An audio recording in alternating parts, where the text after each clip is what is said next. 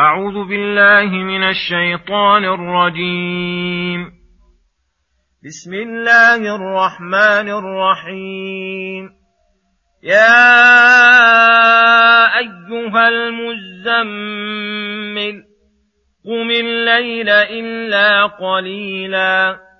نصفه أو انقص منه قليلا. أو زد عليه ورتل القرآن ترتيلا إنا سنلقي عليك قولا ثقيلا إن ناشئة الليل هي أشد وطئا وأقوم قيلا إن لك في النهار سبحا طويلا واذكر اسم ربك وتبتل إليه تبتيلا رب المشرق والمغرب لا إله إلا هو فاتخذه وكيلا واصبر على ما يقولون واهجرهم هجرا جميلا.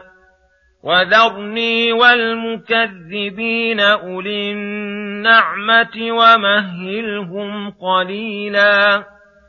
إن لدينا أنكالا وجحيما. وطعاما ذا غصة وعذابا أليما.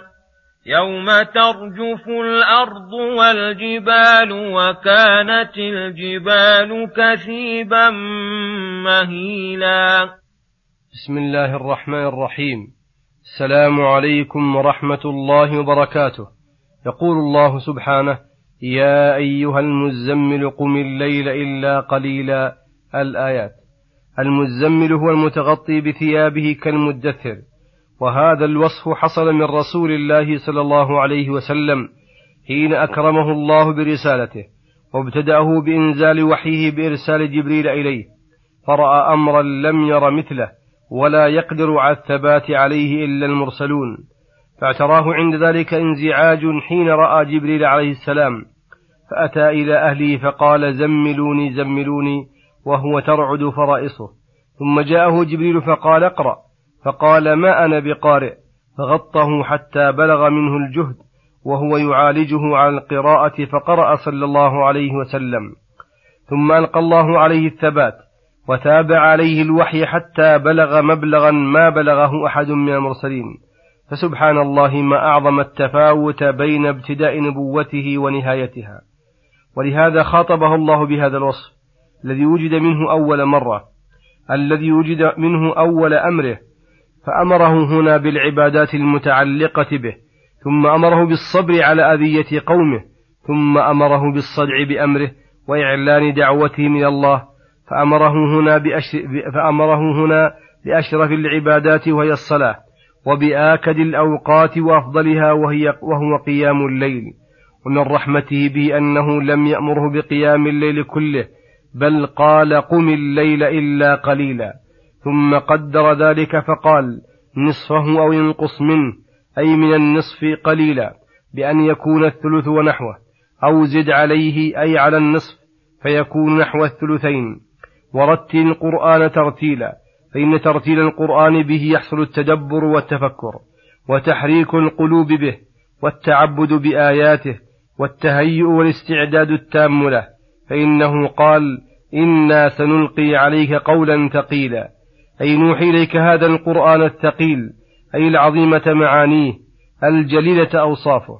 وما كان بهذا الوصف حقيق أن يتهيأ له ويرتل ويتفكر فيما يشتمل عليه. ثم ذكر الحكمة في أمره بقيام الليل فقال إن ناشئة الليل. أي الصلاة فيه بعد النوم.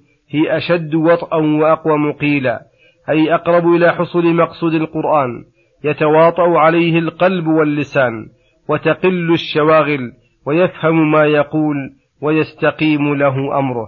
وهذا بخلاف النهار فإنه لا تحصل به هذه المقاصد. ولهذا قال إن لك في النهار سبحا طويلا أي ترددا في حوائجك ومعاشك يوجب اشتغال القلب وعدم تفرغه التفرغ التام.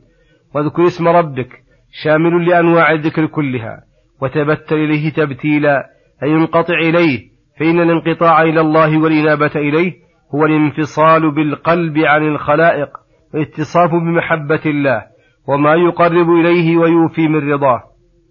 رب المشرق والمغرب وهذا اسم جنس يشمل المشارق والمغارب كلها فهو تعالى رب المشارق والمغارب وما يكون فيها من الأنوار وما, وما هي مصلحة له من العالم العلوي والسفلي.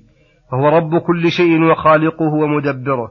لا إله إلا هو أي لا معبود إلا وجهه الأعلى الذي يستحق أن يخص بالمحبة والتعظيم والإجلال والتكريم. ولهذا قال فاتخذه وكيلا أي حافظا ومدبرا لأمورك كلها.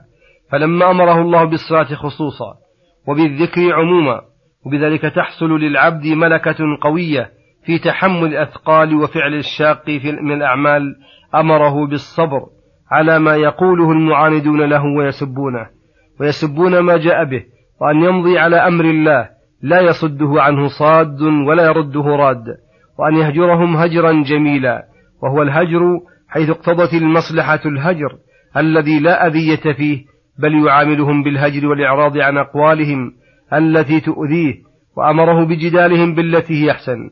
وذرني والمكذبين أي تركني وإياهم فسأنتقم منهم وإن أمهلتهم فلا أهملهم.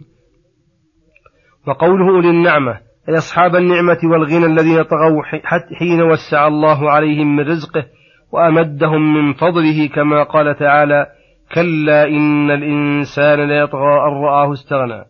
ثم توعدهم بما عنده من العقاب فقال إن لدينا إلى قوله مهيلا.